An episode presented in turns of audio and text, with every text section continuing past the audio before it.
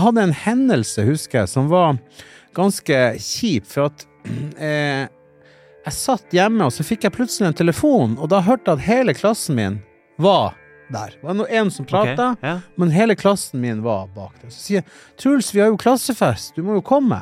Mhm. Jeg tenkte, hæ, er det klassefest i dag? Så jeg pynta meg, og jeg fikk mamma til å kjøre meg dit. Det var en Ja. liten sånn kjøretur.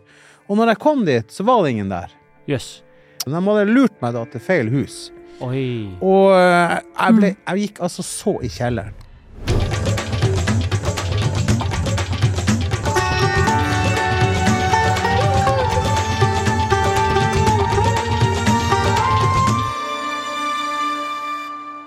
Hei, jeg heter Abid Raja. Og jeg heter Nadia Ansar. Du, Nadia. Vi to kjenner hverandre jo veldig godt. Vi har jo faktisk vært gift i over 20 år. Og det er først nå vi har funnet ut at vi skal lage podkast sammen. Og den skal handle om følelser. Ja, og hvorfor akkurat om det? Lurer du faktisk på det, Abid? Nei, du, egentlig ikke. Jeg, jeg drev egentlig bare og tenkte på om vi skulle lage en sånn fin overgang til de som hører på. Eh, Jeg tror folk har fått med seg at vi er jo litt mer enn gjennomsnitt opptatt av å snakke om følelser. Derfor skal vi invitere forskjellige mennesker som vi er nysgjerrige på, til å komme hit og snakke åpent om følelsene sine. Målet er jo sammen bli flinkere til å både gjenkjenne og håndtere både egne og andres følelser. Rett og slett gjøre både Norge og verden til et mer følelsesvennlig sted. Det er litt av et eh, verdensprosjekt, altså. Ja. Skal vi bare sette i gang, eller? Ja, la oss gjøre det. Denne podkasten er laget i samarbeid med Apotek 1.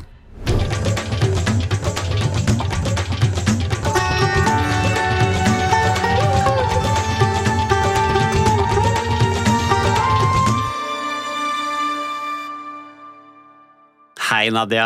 Hei, Abid. Du, jeg syns dette er en så utrolig fin tid altså, når, når jula kommer. Mm. Og det er litt rart, altså vi ble jo ikke oppdratt med jul selv når vi var barn. Eh, I og med at våre foreldre var jo muslimer pakistanere, som hadde jo ikke den tradisjonen. Så alt det jeg egentlig kan om jul, lærte jeg egentlig først som barn gjennom skolen, for der var det Lucia og, og den type ting. Ja, jeg også hadde det med fra barnehagen, egentlig. Jeg husker jo særlig den der lille pakken vi pleide å få i barnehagen med klementin og rosiner. Det var liksom høydepunktet. Og så var det all den julepynten som vi lærte oss å lage i barnehagen, som vi kunne ta med hjem for å skape litt julestemning.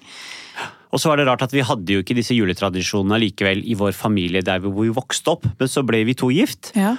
Og, og, helt til å starte med så var det ikke så mye jul, men med en gang vi fikk våre egne barn, så har vi jo nå tatt liksom den ene og det andre, og nå er det altså full smack med jul. Altså Ja. fra Altså det er, eh, det, er, det, er, det er pepperkaker, det er juleverksted, det er julebakst, det er pinnekjøtt, det er julepynt, det er julelys.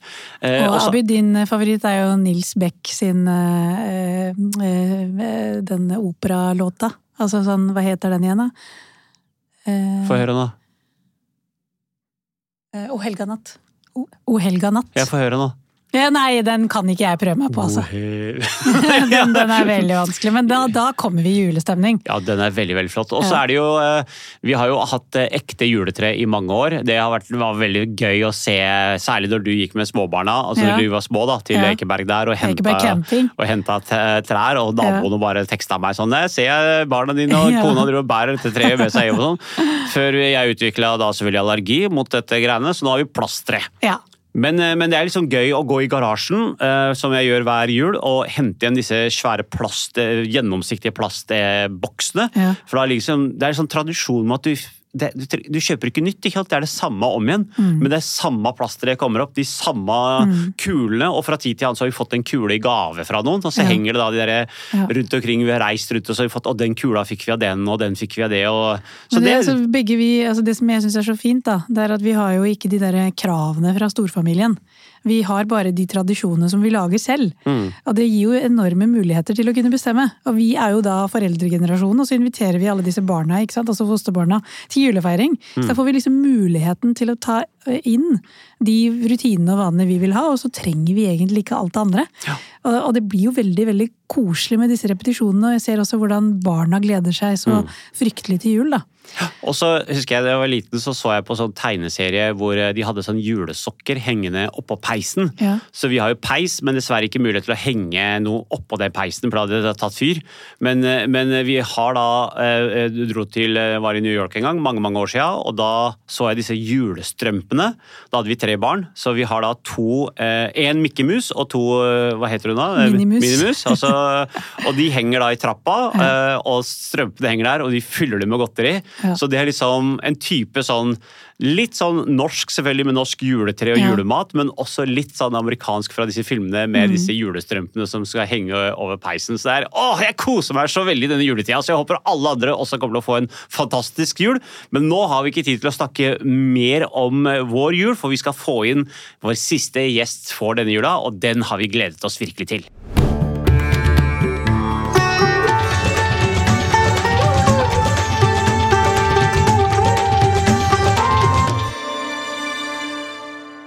Og nå har vi altså dagens gjest her hos oss. Han har jo altså klart å drikke seg sjøl under bordet på James Bond-premiere. Eh, gått eh, over Grønland på ski, det kan ikke jeg skjønne, sammen med Cecilie Skog. Laget mat over hele verden med Hellstrøm. Vært utgående reporter i Senkveld. Fylt saler over hele Norge med soloshowet Fra æ til å. Og denne høsten lager han Kokkeskolen sammen med Hellstrøm. Vi snakker selvfølgelig om hele Norges Truls Svendsen. Tusen takk for at du er her, eh, Truls. Du, det er veldig stas å være her. Jeg merker at du var veldig overraska over at jeg hadde gått på ski over Grønland. Men ikke så overraska at det har vært dritings på rød løper.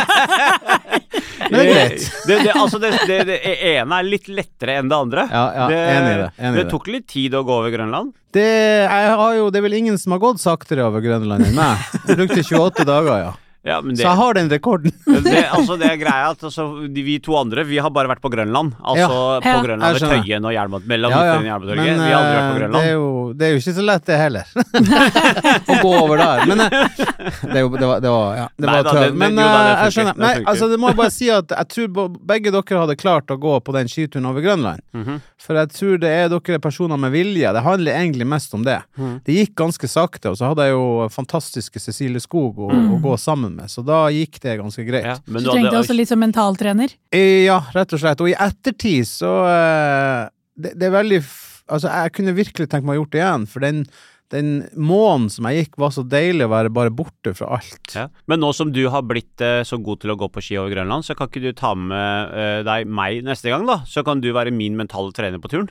Kanskje det. Kanskje det er et TV-program. Ja, Truls og Men, eh, pakistaneren på tur. Ja, det heter jo? Tjukken og Lillemor, så jeg vet ikke. Tjukken og Lillebror, kanskje. Tjukken og pakistaneren? Ja. Eh, Staneren? Staneren? Tjukken og staneren? Jeg vil ikke si du er mye tjukk enn nå lenger, da. Så Nei da, men jeg er sånn jeg var, og jeg har alltid vært litt rund og god, men jeg er jo veldig fornøyd med meg sjøl, så det er veldig greit. det er det viktigste. Og så har jo jeg eh, faktisk sett litt på den andre serien dere, du har også vært med i. Den, eh, den er jo akkurat blitt eh, ferdigspilt. Eller altså gått på til den derre kjendis... Kjendis AS, ja. Mm. Hvordan, hvordan var det å spille seg For det er liksom du spiller deg litt sjøl, på en måte. Du skal være Jeg spiller en litt sånn kjipere utgave av meg sjøl, og det kan jeg bare si at det er elsk å gjøre. Det burde alle få prøve. Det er så gøy å gjøre. Å være en kjip utgave av seg sjøl. Ja, for at det er jo sant Jeg personlig sant Jeg ser nå på meg sjøl som en ganske hyggelig, trivelig fyr, men jeg har jo noe kjipt inni meg, vet du. Jeg er også sant, så deilig å få bare spilt ut i en så ufarlig setting. Ja, ja. For det kan jeg jo ikke gjøre med For det er et eller annet med å liksom overdrive alle Ja. de på en måte Ja. små kommentarene på innsiden. Rett og Spille de helt ut, Ja. sånn til det ytterste. Det er jo det som er er det så sånn deilig. befriende. Mm. Men veit du hva som er deilig med å være her? Nå kan du få lov til å spille deg helt ut sjøl. Ja, du mener det? Ja. Ja, men eh, det skjønner jeg at dere vil. Og når dere spurte om jeg vil komme hit, og jeg vet jo at, eller skjønte det at dere vil jo ha folk til å by på seg sjøl og følelser og alt sånt, så har ikke jeg egentlig noe problem med det. Det kan bli noen ganger, det er å lei meg sjøl prate om sånne ting. For at jeg har vært både i portrettintervju og i podkast og alt, og jeg holder ikke igjen på ting, jeg. Nei, Jeg deler og det elsker vi. Jeg skjemmes ikke nok over noe som helst, men samtidig så har jeg ikke dype sånn ting, problemer. Jeg har vært liksom skåna for det gjennom mitt liv, så kanskje det er derfor også jeg tør å by på. Jeg vet ikke. Nei, vi skal prøve oss. Vi skal sånn, prøve på den ene siden så er jeg skamløs i deling, og på den andre siden så har jeg ikke så mye eh, å by på. Interessant, eh, interessant problemstilling. Nei, men jeg går i hvert fall og tenker det, eh, og, så, og, og at jeg ikke har det. Men kanskje jeg har det likevel. Men det jeg mener å si at altså, Eller det er ikke noe problem for meg å, å, å dele ting, men det er ikke alltid så jeg vet om jeg har noe å komme med. Det vil vise seg.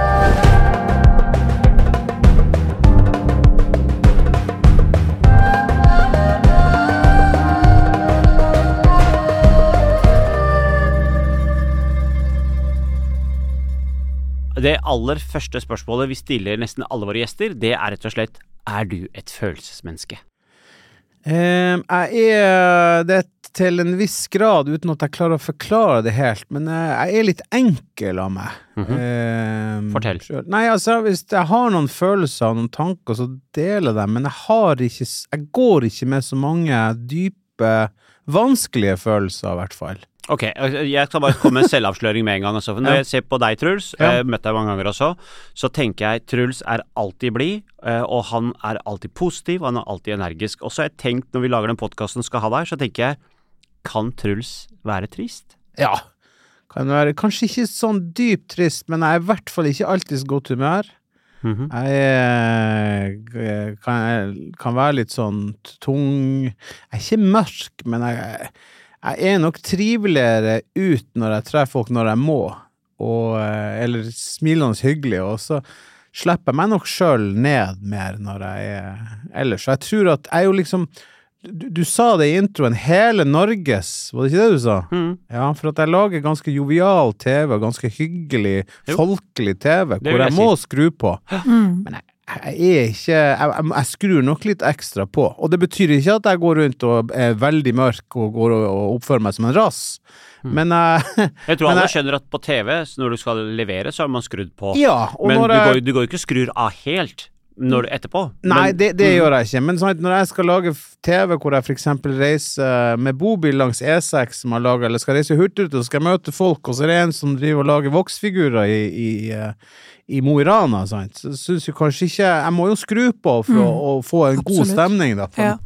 Du har sikkert sett den derre Joker-filmen. ja, ja. For det er jo noe med litt den rollen som du tror veldig mange komikere kan ha, da. Det, er jo, det er jo også en jobb. Så, a- sånn at, så apropos det du sa om at du overdriver uttrykket, du Ja. er jo i utgangspunktet en jovial og likandes fyr.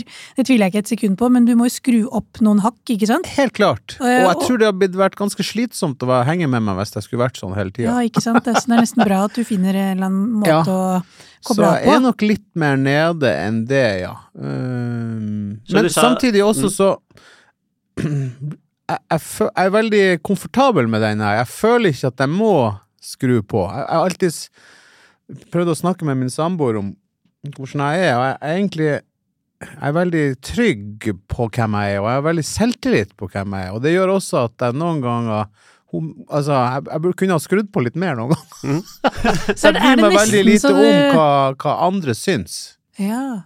Så, Så det høres nesten ut som du er litt sånn beklagende unnskyldende for at du er en veldig godt fungerende fyr, høres det ut som. ja, du, kanskje det er det, men jeg, så, man må jo skru på.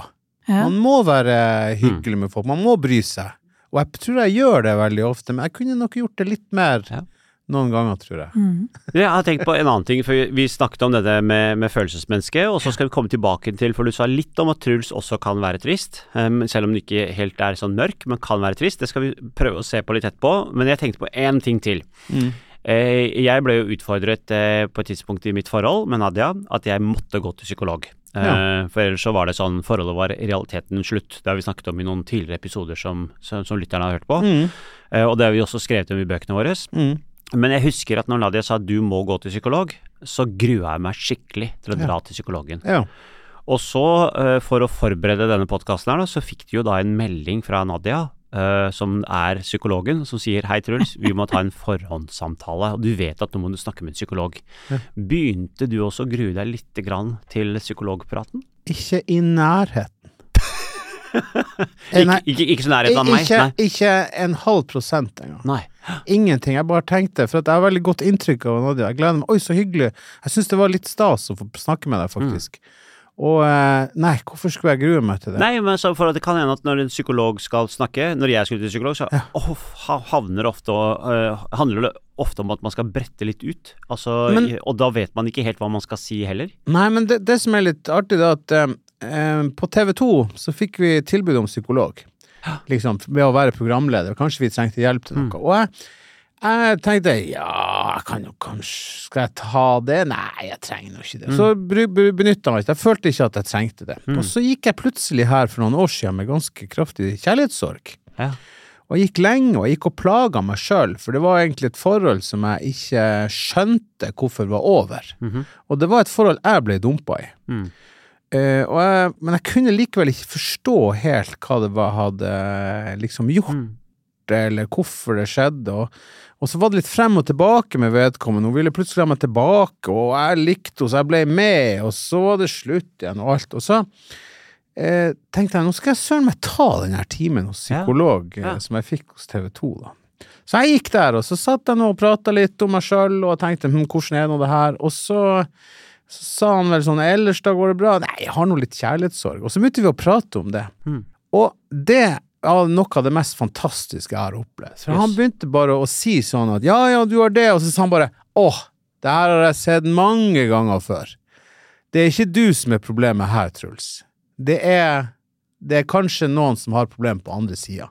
For når, når det er liksom frem og tilbake og sånn, så tror jeg kanskje ikke du har gjort så mye galt. Mm.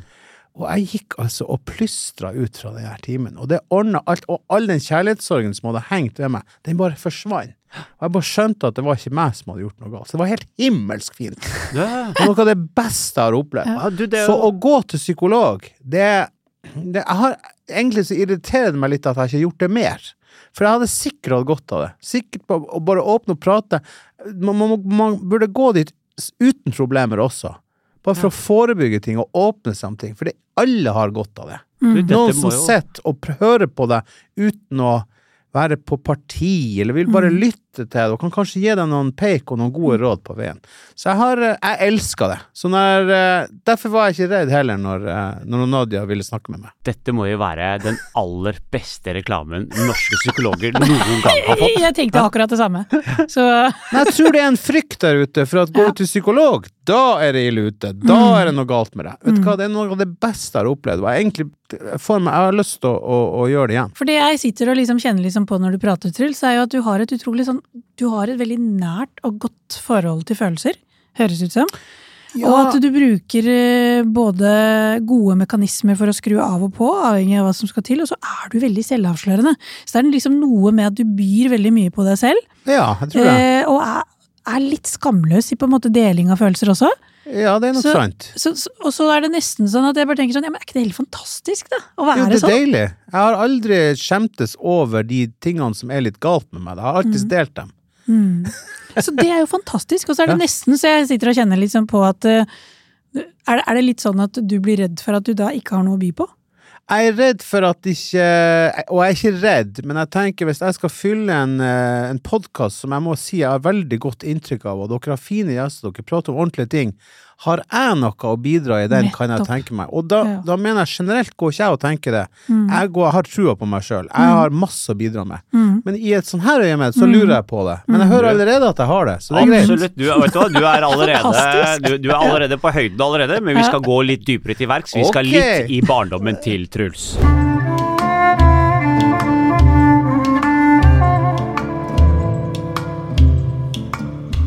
Altså Nå sitter jeg her med kanskje Norges eh, morsomste mann, og iallfall Er vi der nå, ja? Ja, men- ja, Ja, det her går be- be- bedre og bedre, det. og, kos og koseligste. Ja. Men vi skal også litt som Altså, alle som barn kan jo ha slitt med en del ting, og Mm. jeg lurer jo egentlig på hvordan var Truls som barn?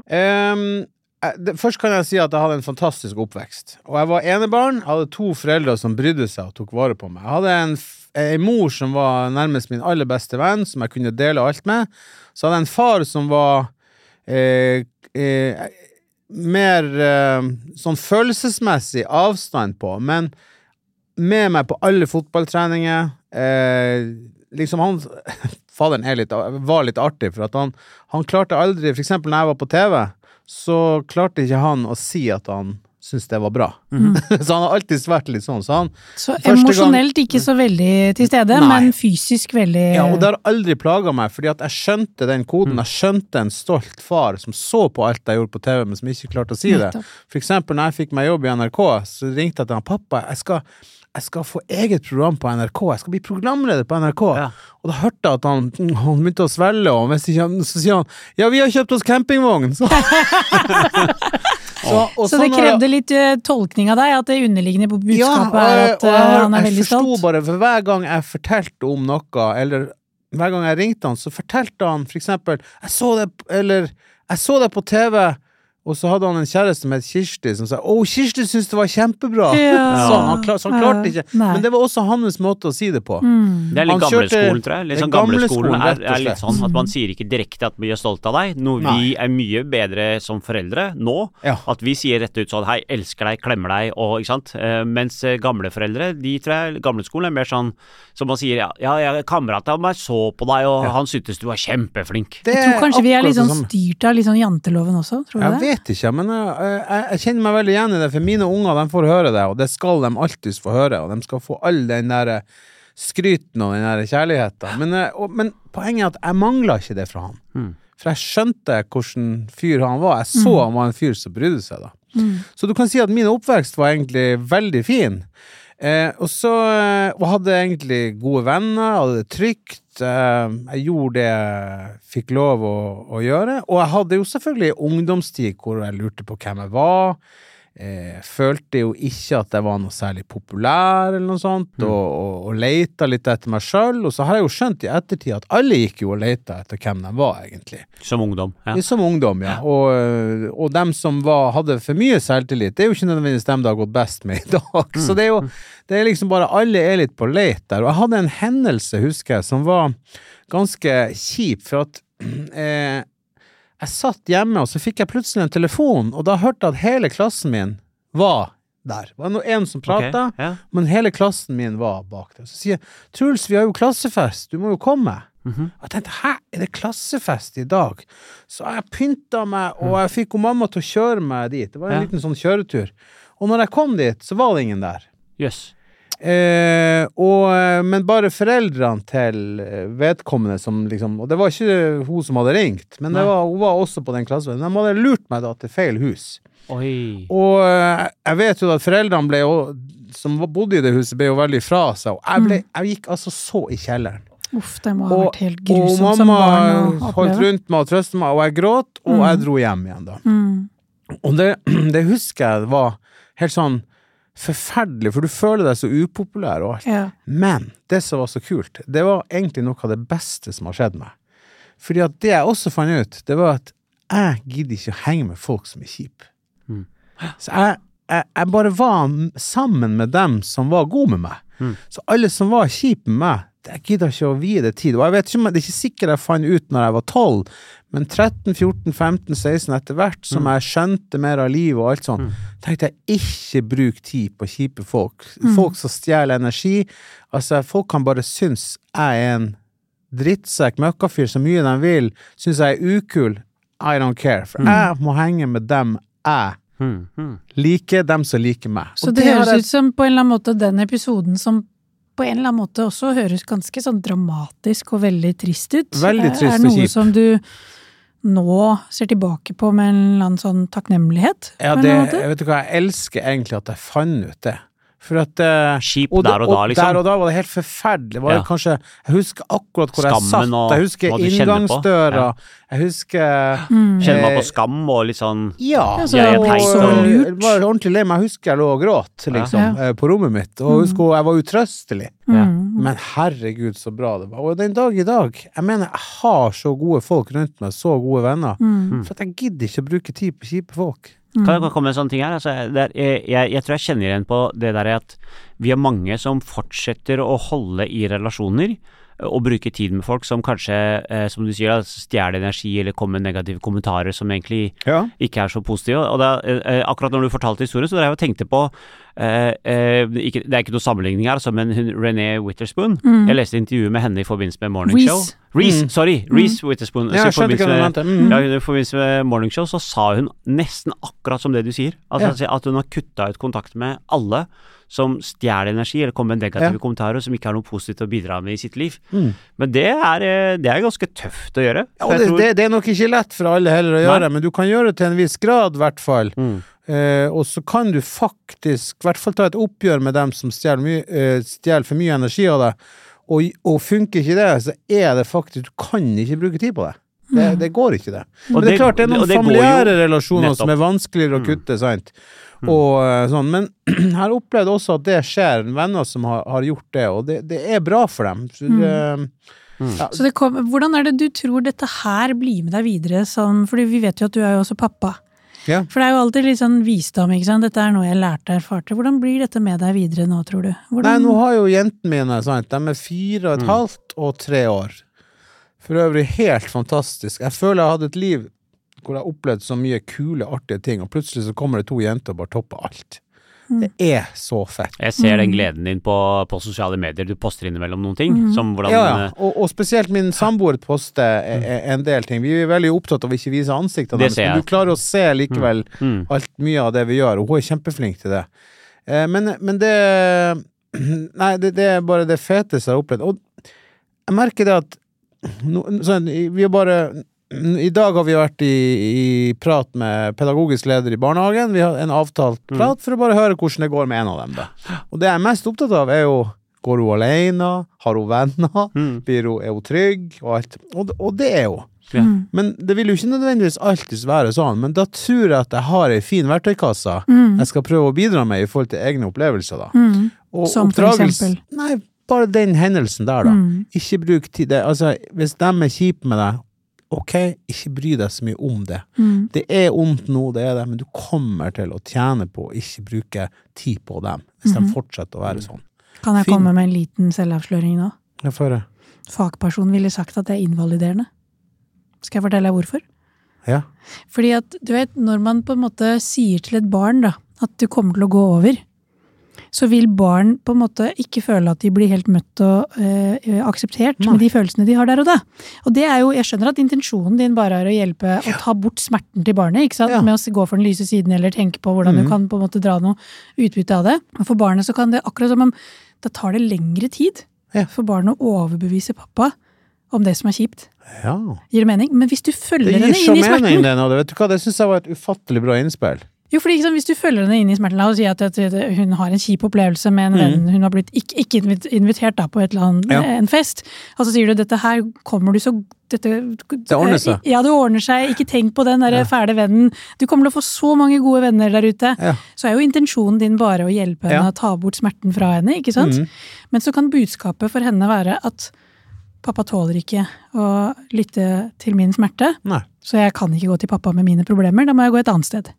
Herregud, for en utbytte jeg fikk av denne podkasten. Men hva burde da, altså, For det som er så Hvordan burde man gå frem da? Hva man burde gjøre istedenfor, er å bare følge henne inn Ja. i smerten. Og ha tro på at hun er kommer til å finne en løsning ut av den på egen hånd. Ja. Så ved at du kan si så utrolig kjipt Jeg vet hvor utrolig lyst du hadde å bli invitert av denne vennen, Ja. og så ble jo ikke du det. Ja. Det må føles kjempeurettferdig. ja. Og så vet jo du at hun og hun og hun er invitert, Ja. og da kan det nesten føles ut som om hun ikke er glad i deg på den måten hun er glad i de andre. Eller noe sånt. Men det, det, det jeg kjenner meg igjen i der, det er at jeg tror at jeg har litt å lære på akkurat det der. For at jeg kjenner meg igjen at jeg har gjort samme feilen før. Mhm. For jeg har en samboer som er helt fantastisk på Mhm. akkurat det der. Ja. Så hun, hun har sagt, men husk på det, Truls, vi må bare høre, bare anerkjenne det. Det er helt greit. Ja. Ikke bare prøv å gjøre det godt igjen med Ja. en gang. Ja. For det, det er også litt meg. Jeg er litt Mm. praktisk av Ja. meg. Mm. Eh, og det er derfor jeg sier at jeg vet ikke om jeg har så mye følelser. Jeg har vel kanskje det, men jeg er litt praktisk Du er løsningsfokusert. Jeg er veldig er løsningsfokusert. her, Ja, også vi er litt sånn, eh, vi, Jeg også går på løsning. Altså ikke dvele ved problemet. La oss bare fikse problemet, og så bare går vi videre. Ikke sant? Charlotte, eh, min samboer, det hun trenger noen ganger, er en klem. Ja. Mens jeg sitter der og Kommer med råd. jeg kommer med råd og praktisk løsning. Ja, akkurat sånn, det. Ja, du- du- du- ja, så så, så det, der har jeg forbedringspotensial. Og, Mm. og egentlig så er jeg glad du sa det du sa, Nadia, for at jeg har veldig lyst til å gjøre det rett med jentene mine. Ja, men jeg vet, jeg ser det på deg, at det kommer jo fra en veldig sånn Jeg kan se den boblende kjærligheten du har for barna dine, ikke sant. Så det er jo virkelig ikke vondt ment. Det er jo snarere tvert imot. Det var bare godt ment. Ja. Ja, men jeg har også det sett det. jeg ser på sosiale medier hvor, hvordan du er Og det jeg har også sett dere ikke legger ut bilder av barna. Det, det vil jeg virkelig gi en stor applaus til. Det har jo også vi vært gode på, å ikke legge ut bilder av Men barna. Abid, du må slutte å sende meg meldinger at jeg skal sende bilder av dem. Den var veldig god. Og så har jeg truffet, eh, så har jeg truffet samboeren din. Eh, Jeg var så heldig at, at hun sa ja til å komme på Stortinget. Vi hadde et seminar om nettopp eh, de første leveårene til barna. Mm. Eh, hvordan vi kan forebygge altså, psykiske utfordringer, og, og, og andre utfordringer som Mm. barn får. da. Så hun bidro veldig positivt til det forslaget om at man kan se barnet fra svangerskapet og de første 1000 dagene, Ja. som man egentlig ikke har så stort fokus på. Så, så jeg tror det er Vi, vi to vi gjør det klokt i å lytte til damene våre. Ja, det er ingen tvil om. Så, så poenget mitt var bare det, altså det, det med at når du validerer barns følelser, da, så er det sånn at barn veldig ofte kommer fram til løsningsforslag selv. Og deres løsningsforslag passer mye bedre til deres egne problemer. Så veldig ofte så vil, hvis barnet føler seg sett og forstått når du validerer, så vil hun si ja, men vet du hva, herregud, så viktig var jo ikke hun. Og jeg vet jo at den og den og den og personen ikke ble invitert heller. Så det kan jo ikke være helt sånn som jeg har trodd likevel. Nei, jeg går rett i løsninger, men det der var det der er kjempebra. For da er det hun kommer med en løsning da, ikke sant? Ja. den hjelper henne ut av det. Selvfølgelig. Ja. Du, denne her var en utrolig fin overgang tilbake til en episode som jeg har lyst til å snakke litt mer om. Jeg trodde du skulle gå på en reklame om støvsuger eller noe. Nei, vi har Apotek 1, vi har ikke støvsuger. Det er veldig fin overgang. Det er så morsomt at det er mulig.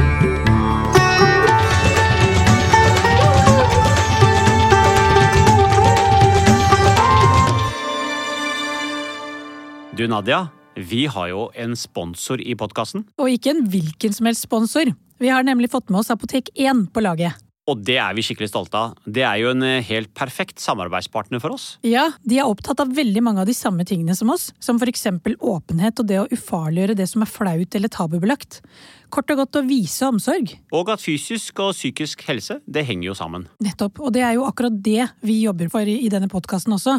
Det er godt for helsa å snakke åpent om følelser. Og nettopp derfor er denne podkasten laget i samarbeid med Apotek1. Música Truls, det gjorde så varmt å høre når du sa at uh, din mor at hun var din aller, aller beste venn. Ja, det høres litt, uh, litt skummelt ut også, kanskje. Ja, det. Nei, men jeg, altså, jeg har jo ikke ikke. det beste forholdet til mine foreldre, da, så jeg Ja. har skrevet eh, bok om det. Og, det, og det, det kanskje alle barn trenger og fortjener, er jo nettopp akkurat det som du sier. Ja. At, at vi elsker foreldrene våre, så hvor mye Mm. de har betydd.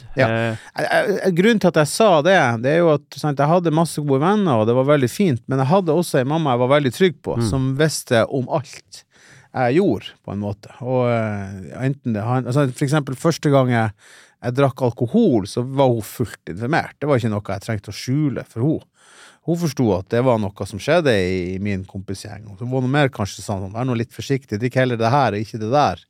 Altså, ikke dem- gå på vodka med en gang. ja, liksom. ikke gå på vodka med en gang. Ta nå et par pils. Du. Jeg spydde for øvrig etter to pils første gang jeg drakk. Men, eh, men eh, Så det var, det var et sånt forhold. Det var ingen hemmelighet av det. Og hun var veldig god og fulgte meg hele livet. Så, sånn sett var hun ja, på en måte min aller beste venn, ja. ja. Og så gikk hun jo også dessverre eh, bort veldig tidlig. Ja, hun døde i 94, og da var jeg 21 år. Eh, og det er jo, var jo forferdelig trist. Det som er da, at hun, var, hun døde etter fem års sykdom. Hun døde av underlivskreft. Så, så den, når hun døde, så var det på en måte også litt godt, for da, for da hadde hun slitt så lenge. Og det var nesten litt godt å se hun slipp, kunne slippe taket og, og ha det bedre. Mm. Og da har jo sorgen ble på en måte man, altså, I forhold til hvis noen skulle dødd brått, så tror jeg nok det Ja, hadde vært ganske absolutt. mye hardere og verre. Så det gikk egentlig ganske fint sånn sett. Mm. Og så var det vel i mange, mange år eh, Det var ikke en dag som gikk uten at jeg tenkte på henne. Mm. Og så allierer man seg noe med det, og så er det noe sånn det er. Men så kommer disse to jentene, Mm. Ja. og da begynner man jo å tenke på henne igjen. Ja. Å, søren, at At ikke hun mamma skulle vært her. hun at det er skulle jo fått oppleve dem. Hun Mm. skulle jo fått oppleve Charlotte, Ja. som er fantastisk. Hun skulle jo fått oppleve ungene. Så da kommer den tilbake. Blir Og man trist på ny, da? Eller? ja, om ikke trist, og det er ikke en stor sorg, men da kjenner jeg jo på det. I hvert fall noen tanker som går på Mm. det, da. Mm. Savn? Ja, et savn som ikke er et sterkt savn, men det er i hvert fall en tanke Ja. om hvor fint Og, og det ikke minst hvor gledelig det hadde vært for eh, dine barn å ha Ja, ja. opplevd eh, Ei så bra dame. Ja, Mm. rett og slett. Ikke Ja. Altså, for jeg, vi har jo kontakt med Nadia sine foreldre, da. Ikke sant? Mm. Så, og de, de er jo veldig glad for at i hvert fall våre barn har ett sett av besteforeldre som, Ja. som de kan møte og treffe. Mm. Og det er jo viktig eh, å ha. Mm. Og så har jo du vært enda mer uheldig, for nå er det jo Så døde jo også pappa. Han så, døde for tre år siden. Og igjen var det en ganske syk mann som døde, og nesten litt Mm. godt å se han slippe å ha det så vondt som han hadde Mm. det. Og han hadde jo egentlig en mye verre sykdom enn noen skjønte, egentlig, når uh, viste det seg. Mm. Eh, og min far var egentlig jækla artig type. Fantastisk vitseforteller, mye liv rundt og alt. De fem siste årene så var han egentlig bare en skygge av seg sjøl. Så det var egentlig på en måte godt. Men det som er litt sånn spesielt, syns jeg Vi var jo den lille trioen. Ja, ja, Jeg ja. enebarn og de to Det fine det. foreldrene. Du er alenebarn, og så mister du begge foreldrene. ja, plutselig så går de vekk. Og nå er jeg jo 51 år, eller s- 48 var jeg når han døde, da. Ja. Så det, det er jo ikke uvanlig det at som 48-åring at man mister foreldrene sine. Det er kanskje litt tidlig, Mm. Men ikke at man er helt aleine, for da har du egentlig Det eneste slekta du har nå, er jo de barna dine. Ja, det var akkurat det jeg ville egentlig fram til, for da begynte jeg å tenke herregud, det er bare meg igjen av den lille trioen. Mm. Men da var det også selvfølgelig godt å ha min lille firer.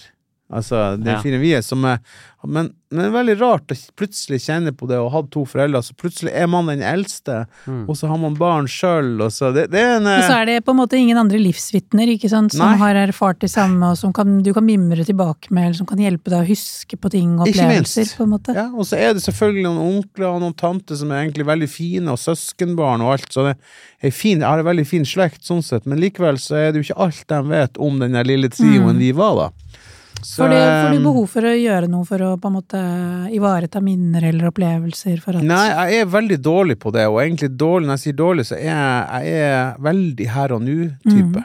Mm. Og jeg, altså, jeg ser veldig lite tilbake, og jeg er veldig lite lei meg for det som har vært. Det som har vært, har vært. Mm. For jeg skjønner det at du er litt sånn, litt sånn grunnleggende både løsningsfokusert og litt sånn optimistisk, sant? Det vil jeg si. Ja, så, så når det skjer fæle ting, så drar du en eller annen lærdom av det, og Ja, så kommer faktisk. du styrket inn. Ja. Og det gjør at du blir veldig eh, handlingsretta, på en måte. Veldig. Du finner fort ut av hvordan du skal løse problemer. Helt klart. Og kanskje noen ganger at du kan gå glipp av noen viktige øyeblikk for eh, hvordan på en måte det å bli møtt og sett da, på vanskelige eh, følelser også kan være veldig fint, da. Eh, Ja. Godt. Ja. Eh, og at problemet på en måte også kan løses. Eh, kanskje jeg har tro på at andre kan finne ut av ting på egen hånd, da. Ja, og det betyr også at jeg noen ganger burde ha Det er ikke alltid jeg er like god å se det hos andre, Mm. som kanskje trenger å gå mye mer inn i de følelsene. Mhm. Og så sitter jeg der og er litt sånn rask og bare er løsningsorientert. Mm. Mm. Så, eh, så der har jeg virkelig Men der er, forbedringspotensial. har jeg akkurat det samme. Jeg var på en fest med Nadia en gang, og da var det jo masse psykologer der, da. Så begynte jeg begynte jeg å snakke med en sånn psykolog, som er en god venninne av Nadia fra Trondheim. Nei, Også, Bergen. nei, Må ikke dere begynne å krangle nå? nei, jeg lurer på om hun er fra Trondheim. Hun, øh, jeg husker ikke hva hun heter, men det er, det er ikke så nøye. Men hun begynte å fortelle om en utfordring de hadde med å arrangere et seminar. Ja. øh, Som hadde gått noe gærent, og jeg var sånn rett på Men vet du hva du kan gjøre? Du kan bare gjøre sånn, sånn og sånn og sånn. Og når jeg hadde ferdig, prata ferdig, vet du hva hun sa? Hun sa å ja, du er en sånn en, du, som øh, skal fikse problemene. Ja. For hun hadde bare, liksom bare lyst til å bare fortelle, og så skulle jeg si 'å, så kjipt, så vanskelig', og så, så liksom. Men jeg, så hun bare tok meg Det tok henne sånn fem minutter å, for, å skjønne hva slags menneskeboble jeg passa inn i, da. Ja. Så, men, men, men det har for, Jeg er litt som deg, jeg tenker sånn Ja, men det har jo gått bra til nå. Hvis det er et problem, la oss Ja. bare fikse det og Ja. gå videre. Ja, vi er Mens, ikke så ulike der. Ja, mens Nadia er litt sånn mer sånn Altså, Jeg tror Charlotte er mer sånn La oss dvele ved litt ved utfordringen, Ja, og bare jeg være tror ikke i det er fordi Det er ikke nødvendigvis dveling, men mm, det, det, det er noe med det å Altså, når jeg blir forstått, så er det noe av det som på en måte gjør at jeg kan puste, føle meg akseptert, kjenne at det er rom for innsiden min der ute. Da kommer jeg ofte fram til løsninger selv. Mm. Så det, det jeg ofte mangler, er en følelse av å bli forstått. Mm. Eh, det- Den, når man ikke blir forstått, så gir det ofte veldig mye sånn næring til La oss si at jeg kommer med åh, det har vært et problem, og så kommer Abid rett inn på løsningen. Så kan det lett gi meg en eller annen fors- eh, for, følelse av at Uh, oi, jeg har ikke det som skal til for å finne fram til løsningen sjøl. Ja, jeg kan ikke ja. stole helt på meg selv. Jeg er avhengig av å få hjelp av andre. Uh, det er akkurat som det er noe galt med meg. Mens hvis jeg blir forstått, så skjer det motsatte. Da får jeg nyvunnet tillit til at jeg har en helt legitim grunn til å føle som jeg gjør. Mm. Og så gjør det at jeg vender fokuset innover og kommer med Mm. løsningsforslag som passer mye bedre til mine egne problemer Mm. enn det Abids forslag ville vært. ikke sant? Sånn at veldig ofte så bidrar det til at du får ny, eh, en ny tillit til følelsene dine, Mm. og så bruker du de aktivt til å løse dine problemer eller dine behov, da. Eh, På best mulig måte. Så det jeg har lært meg i parforholdet, det er når Nadia forteller om noe, så vet du hva jeg sier? Jeg skjønner deg, ja. Da, dette er veldig vanskelig. Det der kan ikke være lett. Jeg forstår deg så godt. Nå høres det ut som du gjør det instrumentelt. Nei, nei, inni meg så har jeg ti løsninger, men jeg tenker hold kjeft, hold kjeft. Ikke kom med de løsningene nå. Bare vent til du spør hva skal jeg gjøre, hva, hva syns du jeg skal gjøre, eller Ja, hva kan jeg gjøre? Og da kan du komme med løsningene. Men Ja. før det Men- Ja, men et, jeg, jeg, jeg kan være helt ærlig og si at de første gangene så skuespilte jeg. For at jeg måtte, dette måtte jeg si. Men etter at jeg har sett hennes reaksjon På at hennes reaksjon er sånn at hun går sånn, blir helt mør og Mm. blir klem og 'takk skal du ha, du hørte meg'. Og da har jeg tenkt søren da, det er, det er dette som skal til. Så enkelt er det. Nå har jeg blitt sånn at nå kan jeg bare automatisert si 'jeg skjønner deg', dette er vanskelig, takk ikke Ser være dere jeg må bare si, min kjære samboer, det er akkurat der Det, er, jeg, det her er egentlig Det er det hun vil ha. Ja. Det du beskriver det. Ja. For at eh, jeg er jo Mm. rett på løsning, ja. Eh, og burde egentlig bare vise forståelse og gi henne en god klem. Men det er det du skal I, i dag skal du dra hjem, og si jeg. Ja. når neste gang du tar opp noe, skal du si 'Charlotte, jeg forstår deg så godt, jeg. Mm. Dette her kan ikke være lett. Det der er kjipt'. Men jeg har jo litt tungt for det noen ganger. Men det her hjelper definitivt. Mm. Å bare høre at og dere dere òg gjør det, holder eh, på sånn.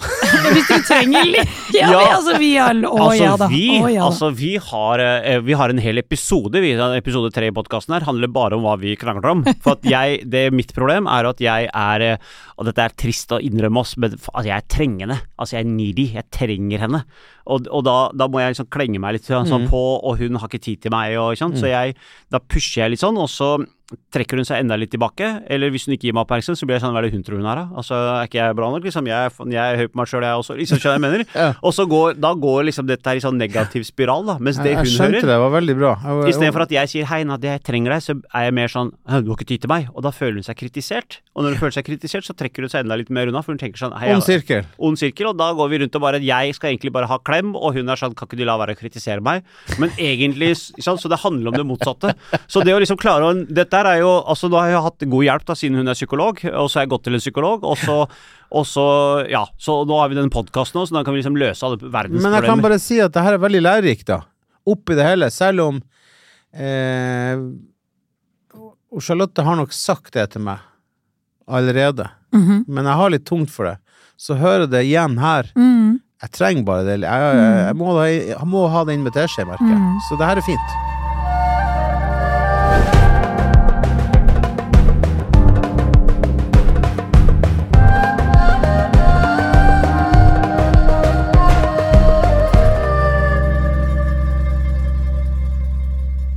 Det som er litt synd, er at den podkasten dessverre uh, går mot uh, slutten. Uh, og vi nærmer oss selvfølgelig oss også juletida, så det gleder vi oss litt ekstra til. Men før vi Vil du ha ribbetips? Det er litt artig at du gir muslimen ribbetips. Vil du ha, men, vil du ha tips på rødkål? nei, på, det skulle vært sånn her Fins det noe som heter lammeribbe? Det er mulig det finnes. Det kommer, jeg kommer tilbake i sesong to. og er med- lammeribbetips. det gleder jeg meg til. Lammekarriere er noe som finnes, og Ja, det er veldig deilig. ja. Men vi har et fast punkt på programmet, og det er et overraskelsesspørsmål. Eh, som, eh, så du, du får lov til å trekke da, da kortet da, gjennom oh, ja. kortstokken. Nadia har den her. Nadia? Vær så god. Da er det bare å Der, trekke. ja. Mm, skal vi se hva det står på den her, da. Hvis du var statsminister for en dag, hva ville du ha fiksa? Da ville jeg ha gått hardt inn og få dem til å jobbe alt jeg kunne mot Israel. Og få dem til å slutte å bombe. Hmm. Tror jeg. Det har vært vel det første. Og så syns jeg bompenger Nei, det er sånn veldig dårlig overgang. rett dårlig, rett Men overgang i bompenger. man merker jo det, altså Truls. Med en gang du går litt i dybden, så kommer humoren. Å ja, er som en eh, flukt, kanskje? Ja, men det er en veldig kul flukt, flukt da, men Ja. det er jo interessant. Ja, kanskje Eller, det er eller sånn. kanskje ikke er flukt, det er kanskje at han uh, vil heller være en morsom fyr for verden der ute, Nei og ikke nei gå inn i dybden. Begge deler. jeg har ingen problemer med å være en fyr som byr på seg sjøl og gå i dybden. Ja. Mm. Men uh, det kan godt være at jeg kunne spart meg for de her tullete vitsene noen ganger. Mm. Nei, det syns jeg virkelig ikke. Det, altså, du skal fortsette å få Jeg- hele Norge til å le. Jeg har elsket deg fra første tidspunktet du dukket opp på. Jeg lurer på om du var da en sånn eh, Abid, vet du hva? utgående reporter i Senkveld. Jeg- jeg Var det vet du hva jeg trodde du skulle Ja. si? Du har elska meg fra første gang vi reiste på tur sammen. Nei, det har jeg også gjort. Ja, vi, fly, vi fløy 22 timer Til Colombia. Colombia og 22 timer tilbake. Ja. Nadia, hvordan går det å være i forhold med han der? Han prater faen meg i ett sett. Ja. det gjorde Ja, jeg han, han mener at det jeg 22 prater med timer ganger to! Og hvis, hvis du syns det, Truls, så kan du bare se, forestille deg hvor mye tid jeg får i det parforholdet her. Ja, men Truls mente ikke det som noe positivt. Altså eh, Nei, det gjorde ikke hun heller. Å ja. Hvem er det som mente det? Det tok meg litt tid å skjønne det der. Men vet du hva, vi, vi var faktisk og sykla i lag i Ja. Colombia. Mm. Og øh, jeg kunne ikke se for meg at du kommer til å vinne den spurten mot han colombianeren. Ja. Men uh, du lurte han. Altså, du hadde en sånn Altså, jeg er eh, god, jeg er rask på spurtesykkel, spurte sykkel, men Ja. poeng, den etappen var jo bare 70 meter. Det var derfor jeg klarte å holde helt til mål. Men uh, Hadde jeg vært 100 meter lenger, så hadde han jeg blitt tatt så ikke deg engang. Eller 29 dager lang. Du lå liksom rett bak ryggen hans, og, og han eh, liksom tenkte ja, men Truls kommer aldri til å klare å ta meg. Han ser liksom en sånn slapp vanlig altså, Ser ut som en vanlig gjennomsnittsnordmann. ser ut som en Men- slapp, vanlig nordmann. Ja, men han var jo sånn sprek syklist, ikke sant? og så fulgte han ikke med. Han drev og så mot venstre, og så stakk du ut til høyre. Og f- når han oppdaga, så hadde du allerede 100 meters forsprang, og da var det bare 50 meter igjen. Ja, tjukke lår, vet du. Det var, eh, det var veldig, veldig bra. Du, Truls, det var utrolig koselig å, å ha deg her. Eh, Vi ønsker deg en riktig, riktig god jul i lag med dine nære og kjære. Og forhåpentligvis blir det ikke lamme til ribbejul. Og så må jeg bare si til slutt, eh, det var veldig hyggelig å være her, og så tar jeg med meg to fantastiske tips. Tusen hjertelig takk. Tusen takk for at du Når du kommer på besøk til oss til indisk-pakistansk mat, så skal du få flere tips. L lover du? Lover.